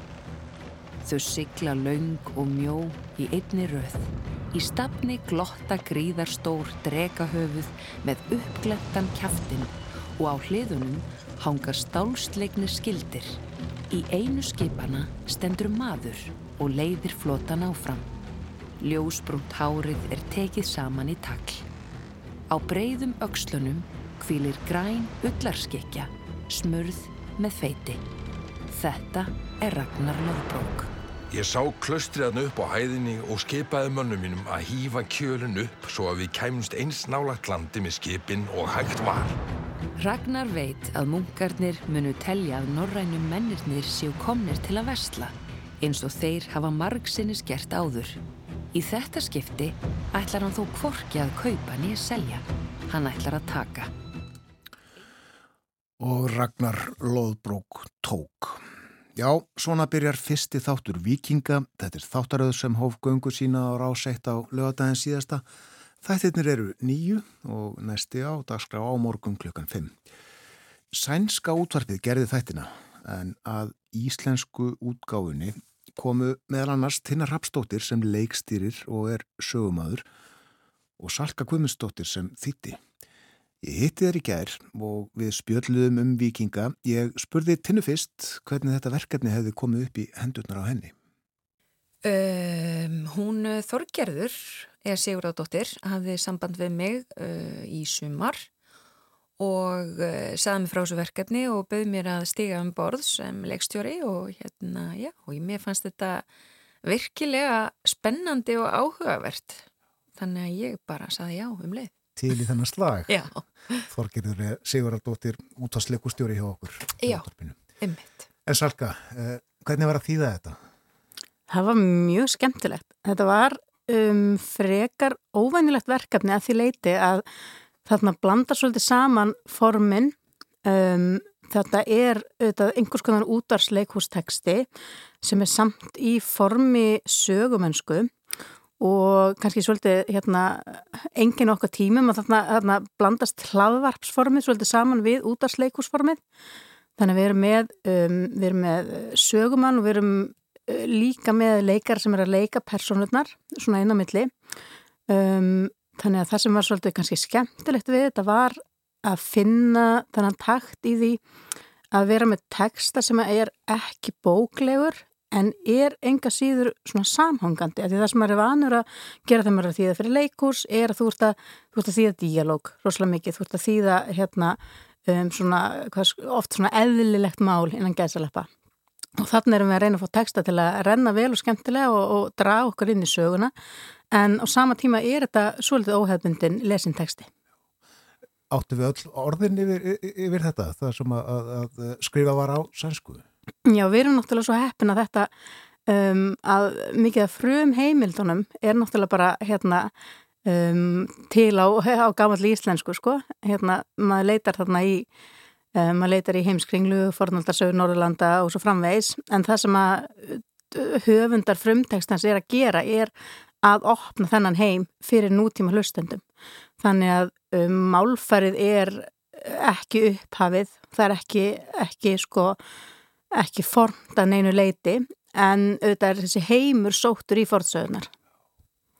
Tina, uh, hvernig var að vinna inn í þetta snið sem þú fegst í hendunar? Það var mjög áhugavert og uh, mér fannst eins og Silka var að segja, þú veist, bæði í málfari og, og allir einhvern veginn uh, hvað sem er framsetningu fannst mér uh, þetta svo aðgengilegt vegna þess að í dag við erum svo vön því að hlutinni séu hraðir, við erum svo vön því að séu grípandi tónlist og alls konar svona hluti sem hlutir sem voru inn í þessu verki sem einhvern veginn eh, ég vissa myndi koma til með að, að vekja áhuga fólks og, og hljóðmyndin var tilbúin þegar við hérna byrjuðum, við fengum hana til, tilbúna að utan. Og mér fannst virkilega gaman að einhvern veginn sko að finna leið til að láta íslenskunna passa inn í inn í hljóðheimin vegna þess að, að, að hérna, íslenskan hún eh, var ofta tíðum setningarnar voru ofta tíðum aðeins lengri heldur en uh, þær sem að koma utan sérst, erlendu en, eh, á sænskunni eða hinnum tungumálunum já. þannig að þetta, já, þetta var svona pínu púsluspil stundum en þetta gekk allt saman og, og hérna og, og já, og mér, ég eins og ég segi, ég, ég finnst alveg virkilega líka mikilvægt að, að Norðurlöndin sé að vinna svona saman, þetta er okkar saman sameilegi arfur og, og þegar við náum að segja sögur sem þessar og, og að, í saminningu þá styrkir það okkur. En áhugavert að heyra, heyra þið segja einmitt að, að við þurfum kannski fleiri orði við sumar hluti og orðin eru lengri, fleiri atkvæði. Já, Já. það er nefnilega þannig og, og ég, ég meina það er það sem við líka sko fórum aðra leið, ég held að ég held að í öllum hinnum útgáðunum sé sögumæðurinn kallmaður við vildum hafa konu og það, það fannst okkur mikilvægt já, já. En hafður þú frjálsar hendur að einhverju marki e, verandi með þetta e, handrit og, og, og þetta snið, sniðmátt? Ég hafði náttúrulega frjálsar hendur að því leiti til hvaða tón ég vildi setja í þetta og hvaða leikara ég myndi vilja fá til þess að leika þessar personur og allt slikt en já, vegna þess að, að tónin hann er, hann er örlítið misjafn á milli landana Við förum ákveðna leið, það er ákveð hlutleysi í sögumanninum sem að ég eh, sagt, um, er í þessu tilfelli en eh, til dæmis eins og í sænsku útgánu þá er sögumæðurinn gengur lengra í tólkun og það er bara þá leikstjórnus ákveða hvaða leið það vil fara. En þetta var okkar leið á meðan að við ákveðum kannski hafa þá meiri leik í personunum sjálfum og uh, jú, þannig að svona listrænt séð uh, hvað tólkun varðar hafði ákveði frelsi en formið sjálft var bundið í stein. Já. Uh, Salka, þú hefði mitt hlustaðir á hinnar útgáðar og heyrir mun, mikið mun. Já, það heyrist mjög mikil munur og mér finnst ofsalega gaman að vera núna að hlusta á, á íslensku útgáðuna sem að tinnafélagi gerði um, og það sem er svolítið áhugavert er líka að heyra bara hvernig tungumáli sjálft hefur áhrif á tjáninguna Um, ég held kannski líka að um, það hafi áhrif um, líka bara svona hefðir innan landana, bara hvernig er við vön að setja fram svona texta og, og hvernig, hvernig er sögumennska svona í okkar, okkar hefð. Þannig ég er mjög sammálað þessari nálgun sem var farin hérna að, hérna, að, að það er þessi, þessi skemmtilegu svona hérna, skemmtilega skemmtilegi balans á milli sögumannsins og personuna því að þetta báðar uh, gert ímislegt um æfina uh, til að þú uh, gert bæðis kvikmynd og, og sjónvastætti. Hvernig finnst þetta að vinna fyrir útvarp? Mér finnst það virkilega skemmtilegt. Alveg virkilega. Þetta er í fyrsta sinn sem ég leikstir í útvarpi.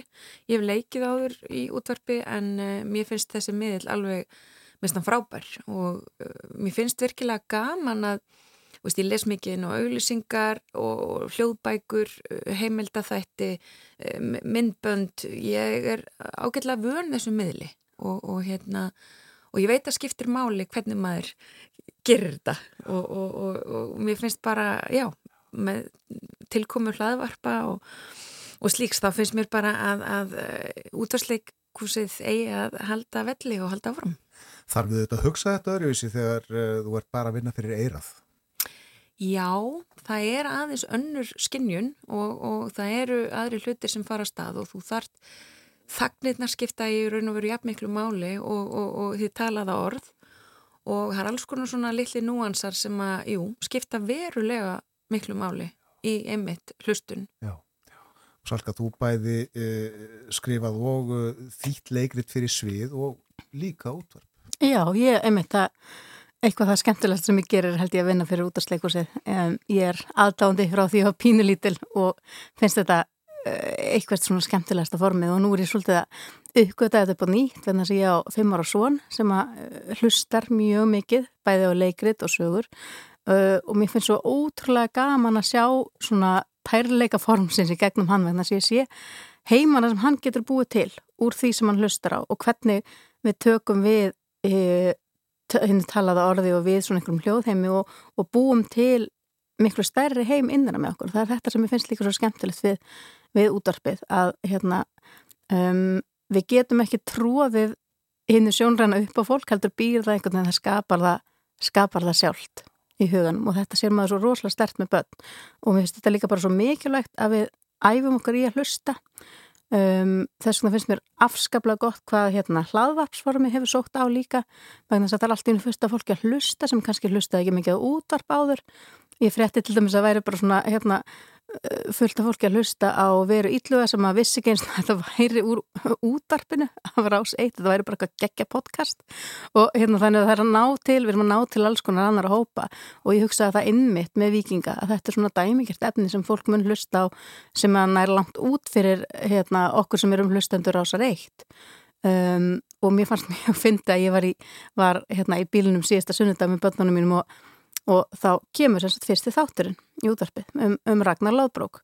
Og það er svona kemur algjör þögn einhvern veginn og svo slekki á bílunum og segir svona minn mamma, getum við haldið áfram þess að sögum hennar Ragnar? Og ég hugsa svona, já við kannski heldum ekki mikið áfram með henn, hún verður svolítið blóðu en mér finnst þetta svo frábært að hann bara á einhverjum sko fimm mínútum var alveg farin inn í þetta sko. Já, skildi auðvitað ekki helmingin orðan en þetta var bara svo spennandi. Akkurat, svo rákitt afturring með fram sko að þeim eitt ímynda sér hvernig Ragnar loðbrók lítur út og, og sjá fyrir sér skipinn og barndagana og hvaða nú er. Nákvæmlega, já. Það er áhugið núna mikill í heiminum öllulegum er að segja á þessu tímabili, á vikingum. Mm -hmm. Mikið gert af uh, þáttum og kvikmyndum og hvaða mm -hmm. nú er. Já. Þetta er náttúrulega, svo, þetta er náttúrulega held ég þetta bara sama, sama element í okkur og lætur okkur sækjast í æfintýri. Mm -hmm. um, þetta eru mjög svona klassískar sögur að uppbyggingu, við erum oftast með mjög svona Uh, mjög svona, hvað segir maður skýrar, stórar personur dregna stórum dráttum. Við erum samt líka með svona stóra siðferðslega spurningar. Um, eitt af því sem mér finnst áhugavert við að takast á þetta efni í nútímanum er um, að personar er oft svo ómóralskar á okkar mæli hverða þannig að það er svo mikið ofbeldu og það er svo mikið grimt Um, og það er kannski einhver sem að hérna, fer fram með gríðarlega ofbeldi í til dæmis bara nafni, nafni trúarsinnar eða, eða hendar þessi blóð hend sem er alltaf þarna í gangi. Um, þannig að það vekur líka upp áhuga að vera siðferðslega spurningar. En þetta eru svona hérna, þetta er eitthvað svona efni sem líka höfðuð ofbúrslega til mín þegar ég var barn og unglingur. Þá las ég rosa mikið af svona einhverjum, einhverjum vikingasögum fyrir börn og unglinga og ég fór alveg inn í þetta sama þegar ég var að, var að vinna þýðinguna og hérna dætt inn í að fara bara að lesa allt um þetta fólk og svona sko, af því að það er eitthvað, þú veist, þetta er svo sterkar sögur Já.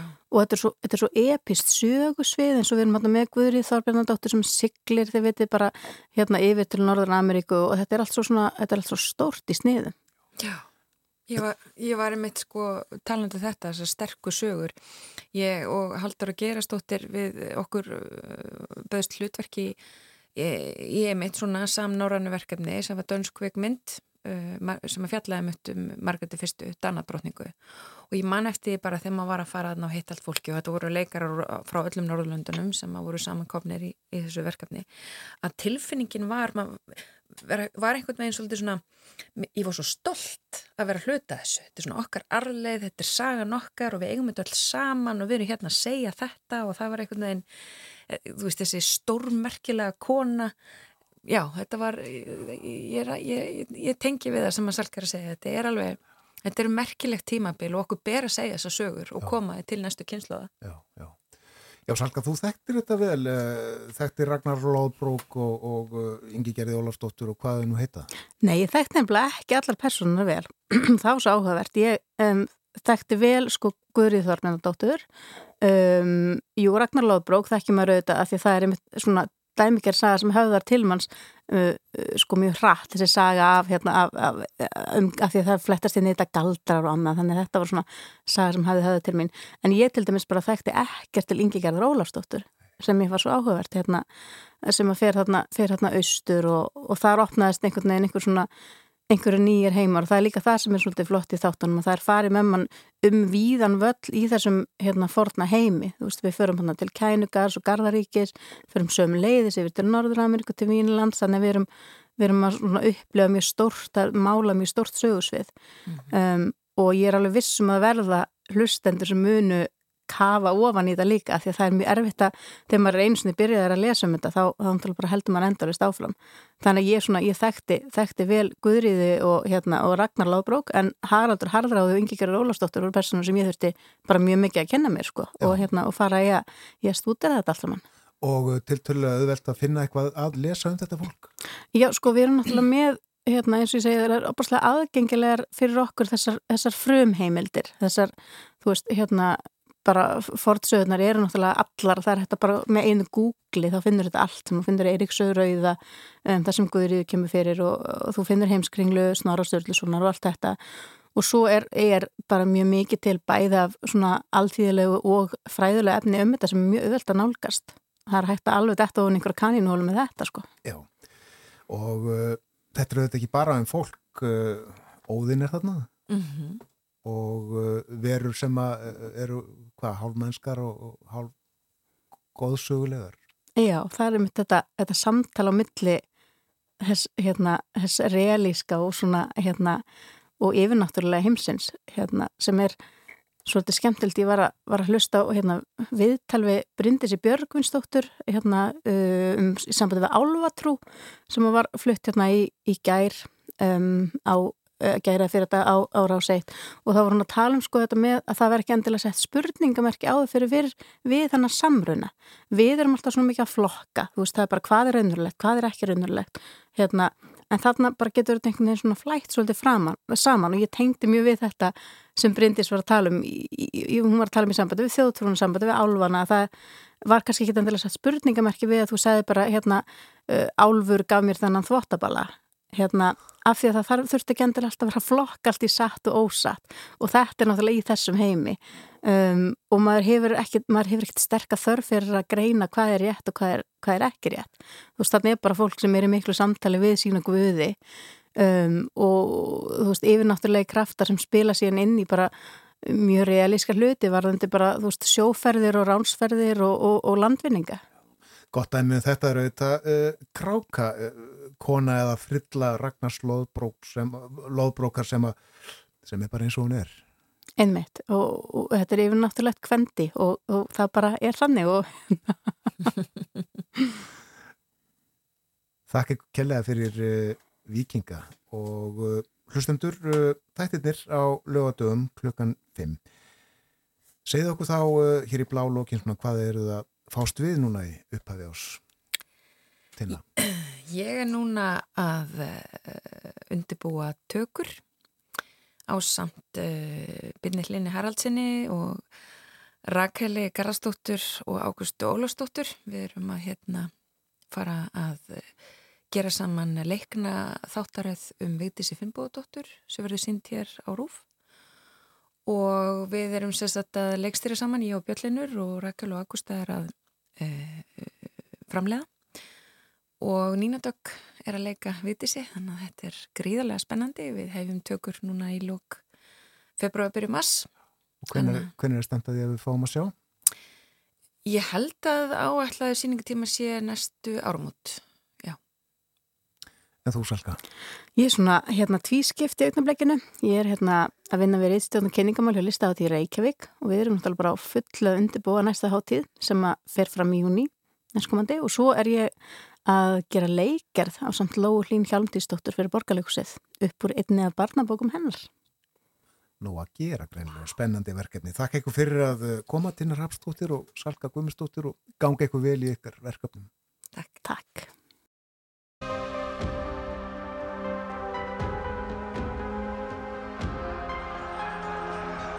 Þetta er saga um fólk sem lifði í okkar heimi fyrir þúsund árum síðan, vikingana.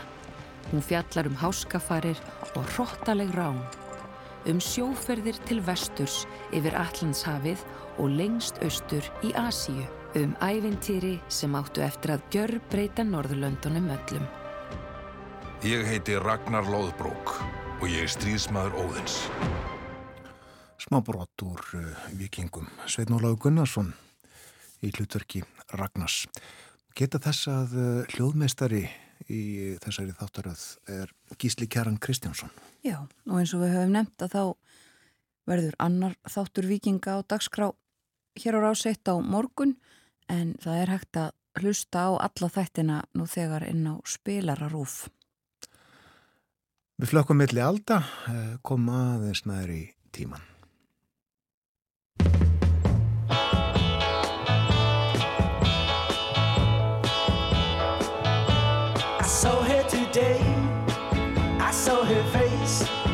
Face I loved. And I knew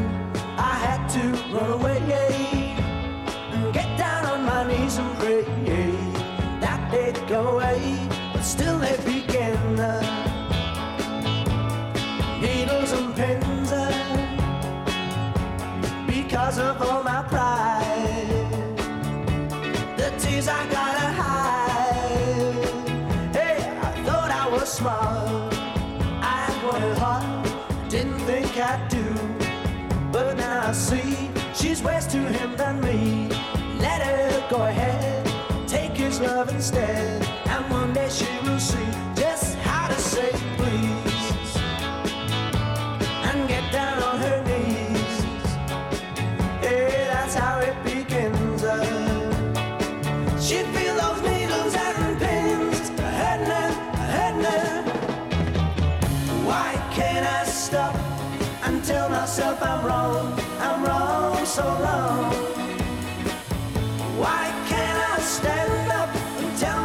I'm strong?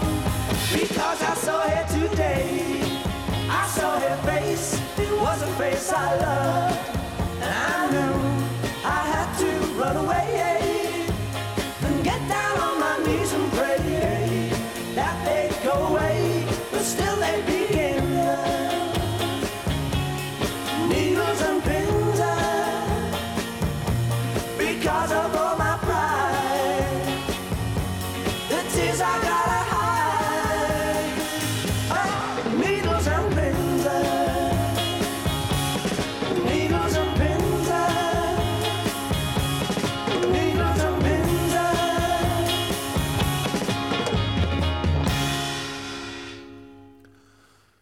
Searches hér á morgunvaktinni, Needles and Pins og þetta var síðasta atriðið í dagskráni hjá okkur í dag.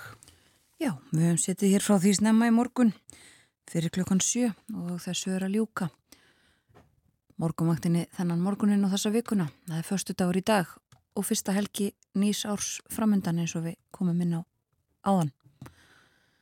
Og það er ágættis veður í dag og á morgun en það fer að hversa sérstaklega um landið vestanvert annað kvöld og það eru hlýjandi í kortunum í næstu viku. Svona leiðinda veður held ég að megi samt segja, rók og rigning í næstu viku. Við þakkum samfélgina í dag, tökum okkur frí yfir helgina en bjóðum góðan dag hlaustur klukkan 7 á mándags morgun. Vonum að þið njóti dagsins og helgarinnar. Verðið sæl.